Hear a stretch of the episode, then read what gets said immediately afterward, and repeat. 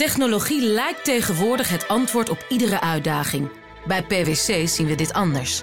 Als we de potentie van technologie willen benutten, kunnen we niet zonder een menselijk perspectief. Human-led, tech-powered noemen we dat. Ga naar pwc.nl. Terwijl het front in Oekraïne nauwelijks beweegt, wordt de discussie over militaire steun aan Oekraïne steeds luider. Want hoewel de Europese ministers van Buitenlandse Zaken gisteren nog maar een keer zeiden dat de steun oneindig is, ontbraken wel de ministers van twee naburige landen, Polen en Hongarije. En daarover praten we met uh, buitenlandcommentator Bernard Hamburg. Bernard, goedemorgen. Goedemorgen. Ja, eensgezindheid onder ministers die daar wel waren, maar toch twee uh, Europese landen niet. Hoe kijk jij daarnaar? Nou, dat laatste is tekenend. En um, je hebt natuurlijk, je moet eigenlijk bij dat rijtje nu ook Slowakije opbellen, ja. optellen. Hè? Ja. Dus, dus ja, ja, hoezo eenheid? Ja. Um, en ik heb bijvoorbeeld bij de NAVO, de NAVO heeft afgesproken dat landen individueel kunnen beslissen over steun aan Oekraïne. Dus dat maakt het iets overzichtelijker. Maar de, de, de, de EU streeft altijd naar eenheid. Uh, en probeert dat soort besluiten gezamenlijk te nemen. Nou, daar, daar, daar zie ik niet meer zoveel van komen. Um, het was een, een, een, soort van solidariteitsshow die, die, die minister van Buitenlandse Zaken in Kiev. En, en, ook, en ook best spannend, want het was de eerste keer dat ze überhaupt buiten het eigen grondgebied bij elkaar kwamen in een vergadering. Mm -hmm. Alleen ja, concreet is er niet van uitgekomen, behalve een toezegging dat misschien de, de, de toetreding tot de EU een beetje versneld kan worden. Ja. Maar er ontstond meteen al wel weer een debat tussen Borrell, de buitenlandcommissaris, en uh, Roberta Metsola, dat is de voorzitter van het parlement. Um, en die, die zei namelijk, nou, misschien kunnen we uh, Oekraïne wel in, in stadia lid maken. Waarop Borrell zei, ja, dat is flauwekul. Je, je bent lid of je bent geen lid. En niet voor een kwart of een half. Enfin, zelfs tijdens die, die bijeenkomst ontstond daar alweer een discussie over. Dus ik, het, het was, nou, laat ik het zo zeggen, het was niet voor niets dat je Zelensky zo sip zag kijken tijdens mm. deze hele bijeenkomst. Ja. Nou zegt het Pentagon dat er geen geld meer is om de eigen wapenvoorraden aan te vullen. Ja. Het Amerikaans ministerie van Defensie, dat is ook nog wel een dingetje. Jazeker. Nou. Um, en dat, het Pentagon heeft dus een waarschuwing gestuurd naar het congres. Ja. En uh, het komt hierop neer. Uh, er wordt ontzettend veel Amerikaans materieel afgestaan aan Oekraïne. Dat moet worden vervangen. Dus dat moet of bij worden gemaakt of bij worden gekocht. Of ja. gaan ze maar door. Mm -hmm. Daar was een bedrag van 25,9 miljard dollar voor gereserveerd. Maar er is nog maar 1,6 dollar miljoen, uh, miljard dollar van over. Mm -hmm. Dus ze, ze, zitten zo gezegd op zwart zaad. Ja. Uh, uh, bij, de, bij de, de, ja, de aanvalling van hun eigen arsenalen. Dat is natuurlijk levensgevaarlijk uh, voor een supermacht. Nou.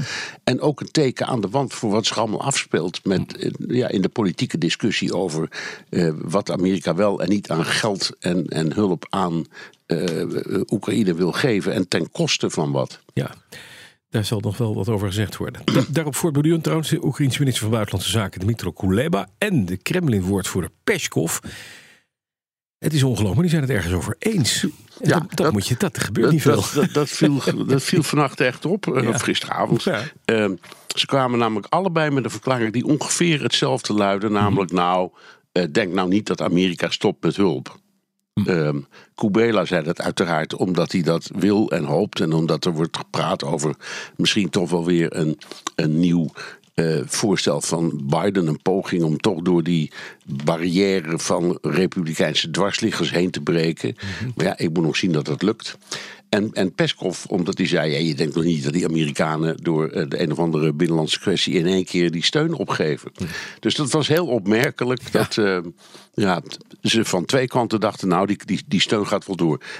Ik moet nog zien dat het waar is. Dus ze kunnen ook allebei ongelijk hebben. Maar hoe dan ook, het was, het was wel heel opmerkelijk. Ik geloof niet dat ze het ooit ergens over eens zijn geweest. Nee, dat denk ik ook niet. Ja, maar je denkt wel over Amerikaanse steun. Anderzijds, als je praat over steun, want dat is wel een, een, een, probleem. Uit peilingen in Hongarije en Polen blijkt dat de bevolking van die landen, we zeiden het net al even, het zijn cruciale landen ook in het, in het uh, steunen van die oorlog. Want hè, Polen is de grootste opnemer van vluchtelingen uit de Oekraïne. Ze zijn steeds minder bereid, die beide landen, om Oekraïnse vluchtelingen op te nemen. Dat is opmerkelijk. Hè? Ja, Ja, er zijn peilingen. En er blijkt dat in, in, in, in Polen is de bereidheid daar, daartoe nog net boven de 50 procent. Ja. En die was bij het uitbreken van de oorlog 80 procent. Ehm, in Hongarije was het sowieso wat, wat lager, maar het rolt nog wel aanzienlijk. En dat zit nu rond, ik geloof, de, de, 7 of 38 procent. Dus het, de volkeren zeggen: het is nu wel mooi geweest. Ehm, met al die vluchtelingen, laat een ander ook eens maar wat doen. Hm. Uh, wij, wij, kunnen daar, wij, kunnen, wij zitten vol. Ehm, en, maar het, het, het, het schetst ook een beetje een algemeen beeld van wat zich allemaal afspeelt rondom die oorlog in Oekraïne. Omdat eigenlijk alle belangrijke steunpunten beginnen te rammelen en basjes vertonen. Uh, het, is, het is voor, de, ik, laat, ik het zo zeggen, ik denk dat Zelensky een rotweek heeft, Bas. Dat denk ik ook, ja.